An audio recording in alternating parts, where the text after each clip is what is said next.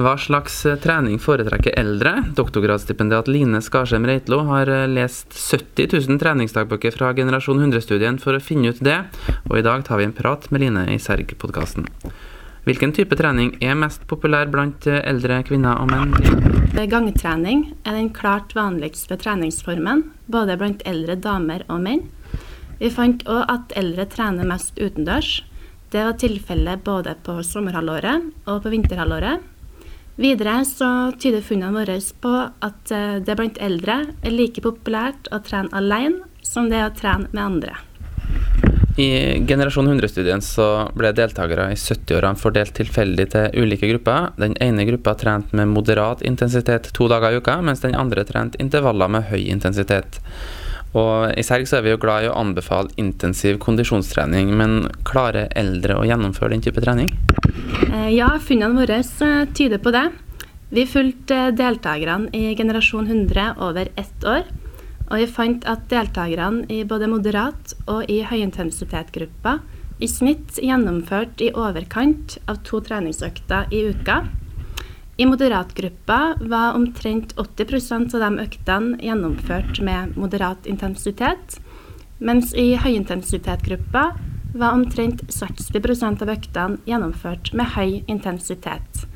Det betyr altså at eh, deltakerne i høyintensitetgruppa i snitt hadde minst én treningsøkt i uka hvor de faktisk trente med høy intensitet. Funnene våre er riktignok basert på sjølrapporterte mål, eh, men de tyder da på at eldre klarer å gjennomføre den type trening. Det er òg viktig å poengtere at eh, deltakerne i generasjon 100 gjennomførte de her treningene på egen hånd. De var altså ikke inn til oss og gjennomførte dem på en lab. Så det tyder da på at eh, eldre klarer å gjennomføre intervalltrening med høy intensitet, til og med uten overvåking. Det er jo veldig bra. Resultatene her de er nettopp publisert i tidsskriftet BMC Geriatrics. Og dere så også på om intensiteten på trening hadde betydning for hvilken aktivitet deltakerne eh, foretrekker. Hva kan du si om det? Eh, ja, vi sammenligna de to treningsgruppene, altså moderat og høyintensitetsgruppa. Vi fant at eh, gangtrening var den vanligste treningsformen i begge gruppene. Men eh, moderat gruppa gjennomførte en høyere andel eh, økter med gangtrening enn høyintensitetsgruppa, mens eh, høyintensitetsgruppa hadde flere økter med bl.a. jogging, sykling og annen type utholdenhetstrening, sånn som aerobic og trening på tredemølle. Vi fant òg at det var noen forskjeller i forhold til hvor de trente. Utendørstrening var mest populært i begge gruppene, men moderat moderat intensitetsgruppa hadde en høyere andel økter utendørs enn høyintensitetsgruppa, mens høyintensitet-gruppa bl.a. trener oftere på et treningsstudio enn moderat-gruppa. Det har trolig sammenheng med at høyintensitet-gruppa oftere utfører treningsformer som finnes på et treningsstudio, det er mulig at noen eldre føler det er enklere å komme opp i høy intensitet med treningsformer som er på treningsstudio, sammenligna med utendørs. Si litt om hvordan dere har gjennomført den eh, studien her.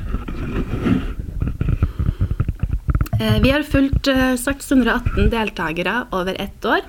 Det er da deltakere i Generasjon 100-studien, så det er både damer og menn i alderen 70 til 77 år. Deltakerne ble instruert til å fylle ut ei treningsdagbok etter hver treningsøkt de gjennomførte i løpet av året. I den treningsdagboka rapporterte de intensiteten på treninga, varigheten, hva type trening de gjennomførte, hvor de trente, og om de trente alene eller i lag med andre. Totalt så fylte deltakerne ut i underkant av 70 000 treningsdagbøker i løpet av året, og det er da informasjonen fra de dagbøkene vi har brukt i studien her. Fant dere ut om det var noen forskjell mellom eh, kvinner og menn? Ja, vi fant noen eh, forskjeller mellom damer og menn. Eh, vi så at menn trente mer med høy intensitet enn damene. Videre så fant vi at menn gjennomførte flere økter med bl.a. jogging, sykling og langrenn enn damer, mens damer bl.a. hadde flere økter med gangtrening og dansing enn menn. Vi fant òg at damer i større grad enn menn trente i lag med andre. Hvorfor er det viktig å finne ut hva slags trening eldre foretrekker? Trening er jo bra for helsa vår. Det kan bl.a. forebygge hjerte-karsykdommer.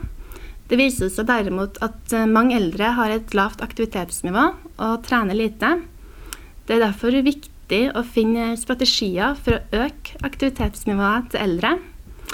Informasjon om hva slags trening eldre foretrekker, kan bidra til å utvikle gode treningstilbud som appellerer til eldre.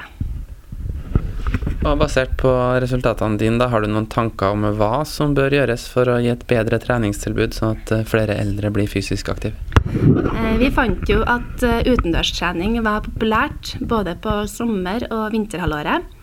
Det tyder på at det er viktig å tilrettelegge gode treningsområder utendørs for eldre, som f.eks. turstier.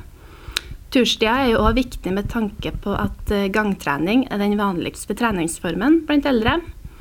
Men selv om gangtrening er mest populært, så fant vi at eldre òg gjennomfører andre treningstyper. I tillegg så var det kjønnsforskjeller på det området, noe som tyder på at det er viktig å tilby ulike, ulike treningstyper, sånn at treningstilbudet er tilpassa flest mulig eldre. Dette er den andre artikkelen i doktorgraden din, for allerede tidligere i sommer så publiserte dere den første, og i den artikkelen så undersøker dere hvem det er som er mest utsatt for å hoppe av et uh, treningsprogram. Fortell mer om den studien. Uh, I den studien fulgte vi deltakerne i generasjon 100 over tre år, fra oppstart av studien og frem til tre års deltakelse. Vi undersøkte andelen deltakere som slutta i studien i løpet av de tre årene i tillegg undersøkte vi om det var noe kjennetegn ved deltakerne som slutta, i forhold til dem som fullførte de tre årene. Vi fant en ganske lav frafallsprosent. Kun 14,9% av de 1514 inkluderte deltakerne slutta i løpet av de tre årene. For å undersøke om det var noe kjennetegn ved deltakerne som slutta, så brukte vi informasjon som ble eh, samla inn ved oppstart av studien, gjennom bl.a. spørreskjema og kliniske målinger. Vi fant at de med redusert hukommelse, lav utdanning, lav gripesvirke, lav kondisjon og et lavt aktivitetsnivå ved oppstart av studien var mer sannsynlig til å slutte i løpet av de tre årene, sammenlignet med dem som hadde høye verdier på de faktorene. Hvorfor er det viktig å vite det her? Frafall fra treningsprogram har vist seg å være en utfordring. Tidligere treningsstudier har opplevd et frafall på 20-50% i løpet av det første halvåret. Funnene fra våre studier er viktige da de kan bidra til at man allerede ved oppstart av et treningsprogram kan fange opp eldre som er utsatt for å slutte, og man kan da gi dem litt ekstra oppfølging for å redusere sannsynligheten for at de faktisk eh, slutter. Ok, Til slutt så, så, vil jeg høre litt om den siste studien i doktorgraden din også, som ikke er publisert ennå, men som dere jobber med å få publisert nå. Hva er dere undersøker der, og hvorfor? Eh, ja, Funnene fra de to studiene vi har snakka om nå, kan være nyttig for å lage strategier som kan øke aktivitetsnivået til eldre. Men for å undersøke om eh, sånne strategier har en effekt på aktivitetsnivået, trenger vi gode måter å måle aktivitetsnivået på. Spørreskjema og aktivitetsmålere er to vanlige måter å måle aktivitetsnivå. Og i den eh, siste studien i doktorgraden min undersøker vi hvor godt de eh, objektive målene fra aktivitetsmålerne stemmer overens med aktiviteten deltakerne sjøl rapporterer at de gjennomfører i spørreskjema. I den eh, studien bruker vi òg data fra generasjon 100-studien. Da blir det spennende å se hva dere kommer fram til der. Og så ikke minst blir det spennende å se hvordan eh, hovedresultatene fra generasjon 100 er. For nå er det ikke så lenge til vi får høre om trening faktisk forlenger livet for eldre. Takk skal du ha for at du var med på Serg-podkasten, Line.